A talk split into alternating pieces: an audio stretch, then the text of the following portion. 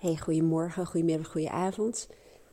Ik had het er van de week met Luca over. Luca is de zoon van Aaron. En Aaron is mijn vriend voor degenen die nog niet zo lang mijn podcast luisteren.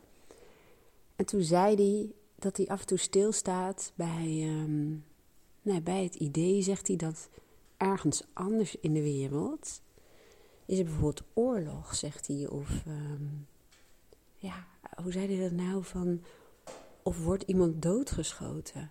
Hij zegt, en ik rij dan op mijn uh, scooter naar school in de regen. En toen zei hij, en dan ben ik eigenlijk heel dankbaar dat ik gewoon hier op mijn scooter in de regen naar school kan rijden. En dat we het gewoon hier heel erg goed hebben.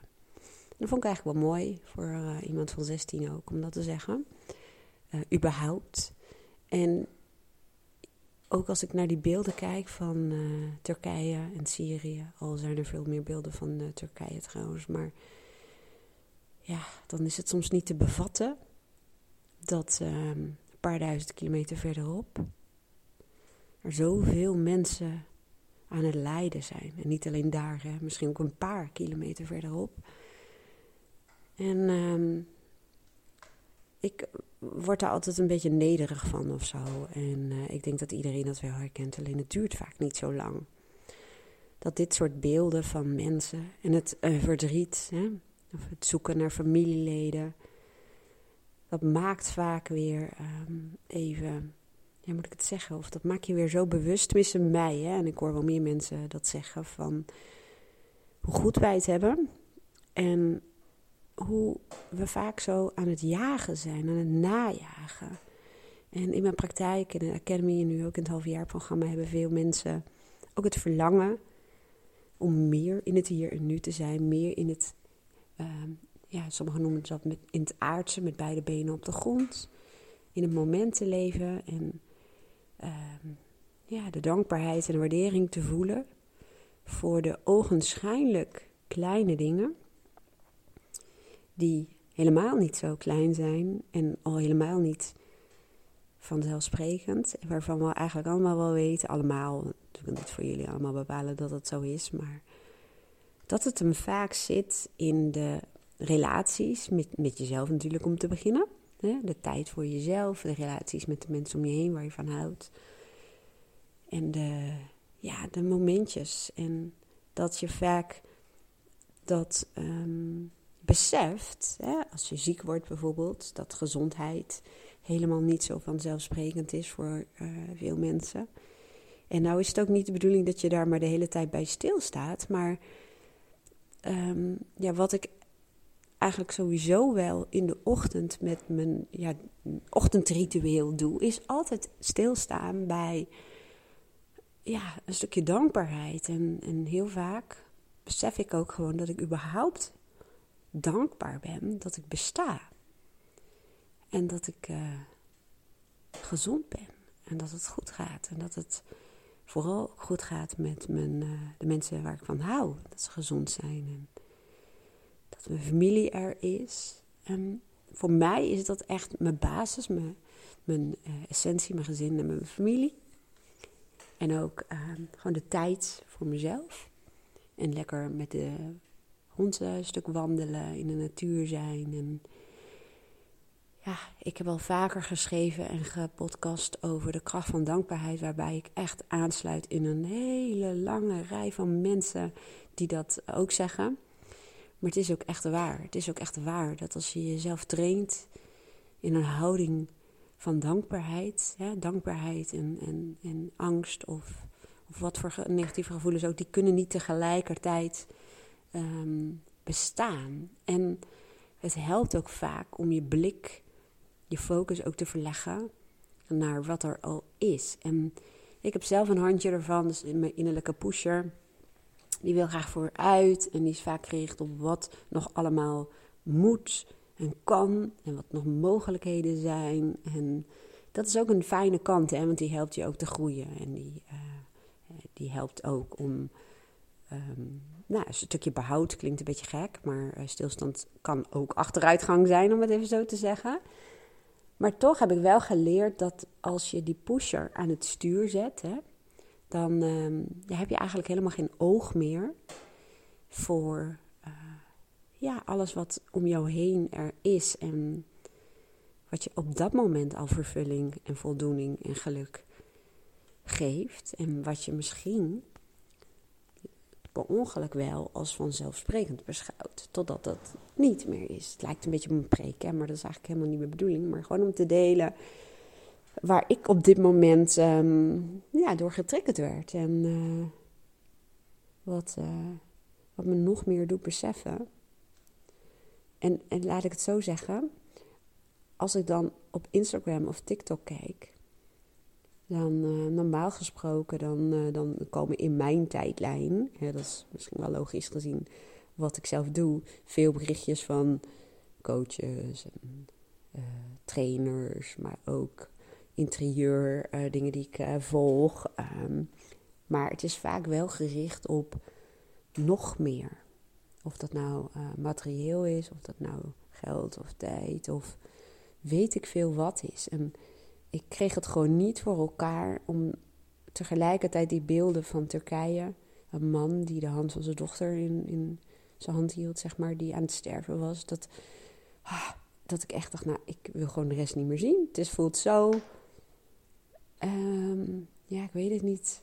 niet het kon gewoon, ik dacht, ik kan gewoon niet verder scrollen naar een nieuwe, uh, weet ik veel, een nieuw plate of zo voor op de bank. Of um, doelen die je nog zou moeten behalen. Het was, ja, en ik weet niet of jij dat ook hebt, maar. En um, ja, misschien is het ook wel een beetje hypocriet, want ik zou van heel vaak is dat zo, zo'n momentje. En uh, ja, en bij mij, ook dat soort beelden, dat, dat blijft bij mij vaak hangen.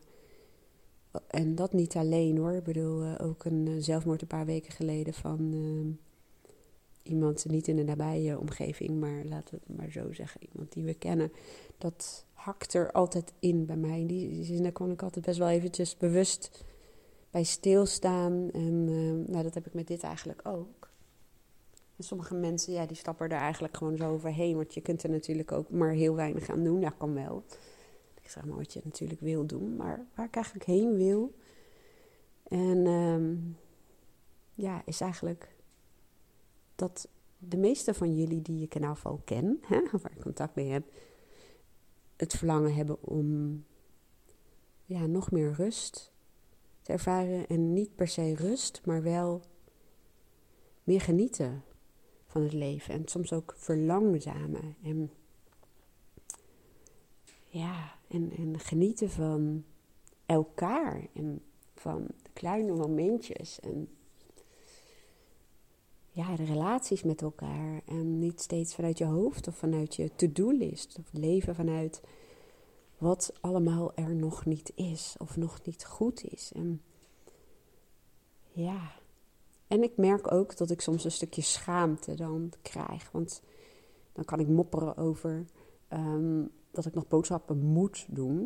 Nou, ik moet helemaal niks. Ik heb een keuze natuurlijk. Maar dat, uh, ik, ik, ik, ja, ik zeg ook wel eens van, goh, als dat dan mijn probleem is. Het is niet een probleem hoor, maar dat ik daar dan van, oh, ik moet nog boodschappen doen. Ik hou niet van boodschappen doen. Maar ik denk als dat je probleem is, dan, dan heb je het gewoon super goed. Hè? Dat hebben we de meeste in elk geval van ons natuurlijk hier wel.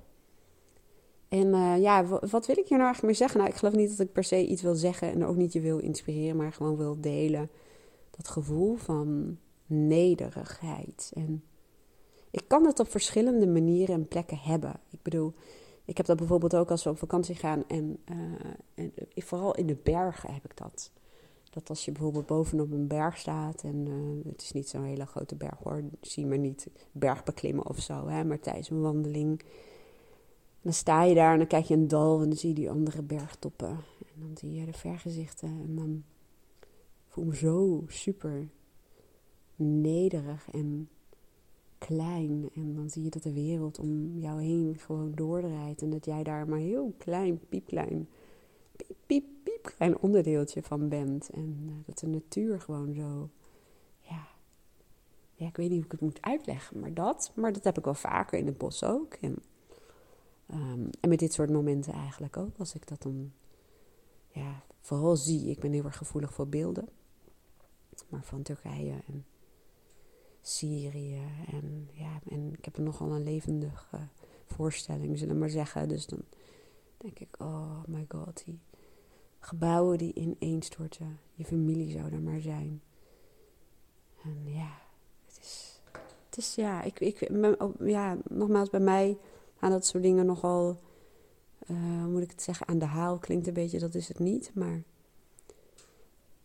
ja, het maakt me heel erg bewust. En misschien om dan toch te kijken van hoe ik jou misschien nog kan inspireren. Ehm, en dan hebben we het toch wel over die dankbaarheid. Ik, sinds ik dat doe, ik ben eerst begonnen met een dankbaarheidsdagboekje. En ik heb dat dan digitaal en ook wel gewoon met pen en papier. Ik heb er een app voor. Gratitude Journal heet dat. Ik heb een Android-telefoon. en ik heb dat al jaren geleden voor het, begin, uh, voor het eerst gedaan. Dus als ik uh, door, dat, uh, door de journal heen scroll, dan, nou, dan, echt, dan blijf ik maar scrollen. En ehm, ja, hoe doe ik dat? Ik doe het nou voor elke ochtend. Sommige mensen leggen hun hand op hun hart. Dat, dat heb ik eigenlijk nog niet gedaan. Of laten we het zo zeggen, dat is voor mij niet een, een, een uh, routine, zeg maar, of een ritueel. Maar het is natuurlijk best wel mooi om het extra kracht bij te zetten. En heel veel mensen zeggen ook dat ze meer vanuit het hart willen leven. En daar ligt natuurlijk ook dankbaarheid en waardering. En heel veel mensen zeggen, ja, maar waar moet je dan dankbaar voor zijn? En wat ik net noemde, trainen, voor mij zit erin dat je ja, ook echt even bewust wordt, je best doet, zou ik bijna willen zeggen, om voor jezelf te beseffen en te benoemen waar je dankbaar voor bent. Want heel veel mensen zeggen, ja, het zijn dan altijd een beetje dezelfde dingen, dan wordt het zo'n opsomming. En ja, voor mij is het in ieder nooit een opsomming. Elke dag kan ik opnieuw dankbaar zijn dat ik er ben. En dat mijn uh, gezinsleden en mijn familieleden er zijn. Dat het goed met ze gaat. En uh, ja, dat, het warm is, dat het zonnetje. Ik kan enorm dankbaar zijn. Ook uh, Lisa kwam gisteren eventjes spontaan bij mij op de koffie. En dan gaat de hond bij haar liggen met zijn kop op haar schoot.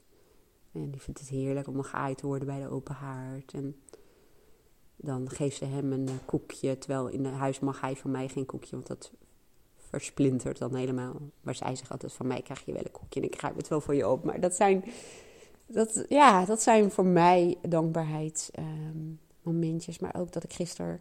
Ik doe uh, mijn podcast opnemen en uh, spraakberichten sturen en mijn WhatsApp en mijn mail vaak buiten. Oh, eigenlijk wel in, uh, in heel veel weersomstandigheden. Maar gisteren scheen het zonnetje nou en dan ziet het er zo mooi uit. Dan, dan zie je een deel is nog bevroren van het gras en een deel is aan het ontdooien. dan ga ik buiten zitten en dan gaat de hond mee en die heeft dan van die knijpoogjes omdat de zon in zijn gezicht of in zijn, hoe zeg je dat?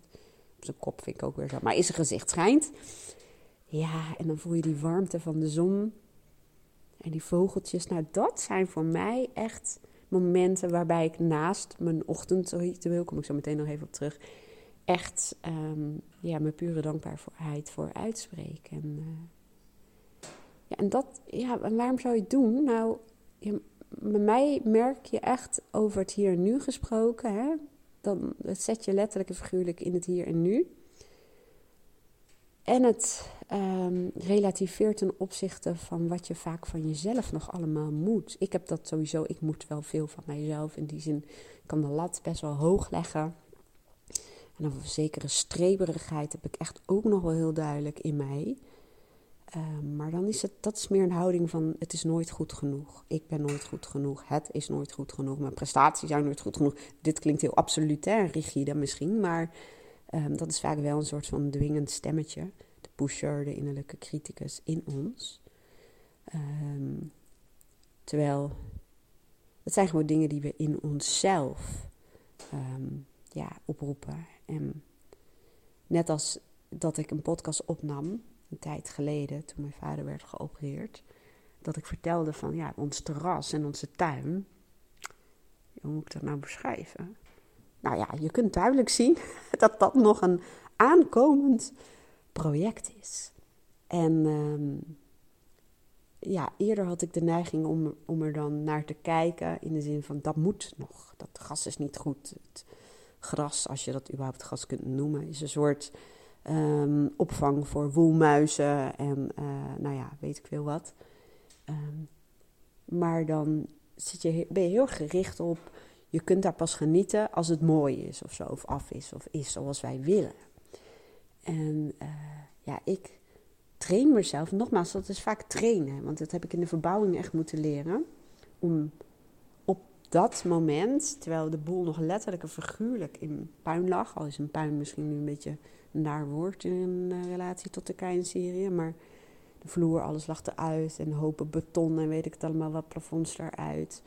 Om uh, mezelf toen al te trainen, ik doe dat dan toch vaak met een kopje thee of koffie, om daar gewoon te gaan zitten. En ja, om toch die momentjes op te zoeken wat je nu ook kunt waarderen. En dat je ook al kunt waarderen van het proces, om het zo te zeggen. Of waarderen in het proces. Nou, volgens mij was het grammaticaal een hele foute zin. Maar ook met het terras. Het is, um, het is ja, heel erg 70s. En het is uh, heel erg aan een hoge druk reinigingsbeurt, zullen we maar zeggen. Maar toch om gewoon lekker buiten te zijn en te genieten van al het groen. Dat je überhaupt lekker buiten kan zitten. Dat, dat zijn voor mij um, van die bewustzijnsmomentjes dagelijks. Om, ja, dat wou ik zeggen. Om al te genieten van wat is. Want stel dat overmorgen. Dat is wel heel snel trouwens. Maar de hele tuin is aangepakt. En uh, een andere trap aan de voorzijde. Ik krijg even de hik. Aan de voorzijde. Want we hebben een heel klein klungelig trapje. En een heel breed, uh, brede trap. En nou ja, en dat willen we graag helemaal uh, eruit in een schuur en meer parkeerplekken en bla bla bla. bla. Nou, stel dat dat zo is en het is allemaal helemaal naar onze zin. Hè? Wat verandert dan in essentie aan ons gevoel? Tuurlijk, dan is het veel meer, nog meer ons huis. We hebben erover nagedacht, we hebben het samen uh, laten ontwerpen. Um, ja, onze ziel en zaligheid zit erin. Dat klinkt een beetje gek, maar het is wel vaak een afspiegeling van wie we zijn en wat we belangrijk vinden. Hè? De, de, de, de zitjes die je dan creëert, daar heb je over nagedacht, omdat bijvoorbeeld daar de zon komt. De plekken waar je met je familie en je gezin uh, kunt zitten. Dus het gaat over veel meer dan alleen maar de, het materiële, om het zo te zeggen. Dus natuurlijk verandert er wel iets. Omdat je elke dag als je het ziet, dan ben je er blij mee, dan vind je het mooi en dan kun je ervan genieten. Maar um, het, in essentie verandert het niet heel erg veel. Jongen, jongen, dit lijkt echt een man. Ik moet gaan uh, breken of zo. Maar, maar goed, dat, dat, dat is wel waar heel veel mensen naar op zoek zijn. Naar um, dankbaarheid en de waardering in het hier en nu. En de essentie van het leven. leven. Dat is ook waar Mindshifters.nl, wat ik met Rachelle Verhagen uh, opgericht heb, waar het over gaat. terug naar de essentie. En waarom het woordje terug? Omdat je vaak ziet dat kinderen um, wel vaak heel onbevangen vanuit hun essentie kunnen leven. Hè. Even, het is natuurlijk niet voor elk kind eh, zo en ook niet op elke leeftijd. Maar je ziet wel dat ze vaak onbevangen uh, zijn en um, ja, doen met wat er op dat moment gewoon is. En dat is waar wij volwassenen vaak weer letterlijk en figuurlijk, nee niet letterlijk, maar wel naar terug willen, die essentie. En niet die gejaagdheid. En, hè, want dat is ook wat heel veel mensen zeggen van ja, dan is er zo'n moment. Bijvoorbeeld een moment met een kampvuurtje en uh, met een mooie sterrenhemel en met elkaar praten. Maar dan, uh, dan, dan roept die telefoon en dan zitten ze daar toch met de telefoon. Dat soort dingen gaat het volgens mij nu over. Nou, volgens mij is dit een podcast van, uh, van niks, zou ik zeggen. Maar ja, dat is denk ik ook niet zo. Maar ik vraag me af of je iets uit kunt halen. Maar ik wil het gewoon even met je delen. Wat je ermee kunt. Geen idee. Misschien kun je er wel helemaal niks mee. Maar misschien herken je het eigenlijk ook wel. Maar um, nou ja, goed. Dat. Ik ga weer even verder. Ik ga zo meteen dus even lekker beginnen met mijn ochtendritueel. Waarbij dankbaarheid dus echt een onderdeel is. Al heb ik dat volgens mij nu al best wel een beetje gedaan. Ik uh, combineer dat dus altijd met een uh, kopje thee of koffie. Waarom weet ik eigenlijk niet, maar het is zo'n markeringsmomentje. En uh, ik zie nu bijvoorbeeld, ik heb vogelvoer gestrooid op verschillende plekken op het terras. het is enorm druk met vogeltjes en er zijn al pimpelmeesjes, uh, goedemorgen Luca, pimpelmeesjes in het huisje bezig. Dus dat is ook al wel een mooi momentje. Nou, hele fijne dag en tot de volgende keer.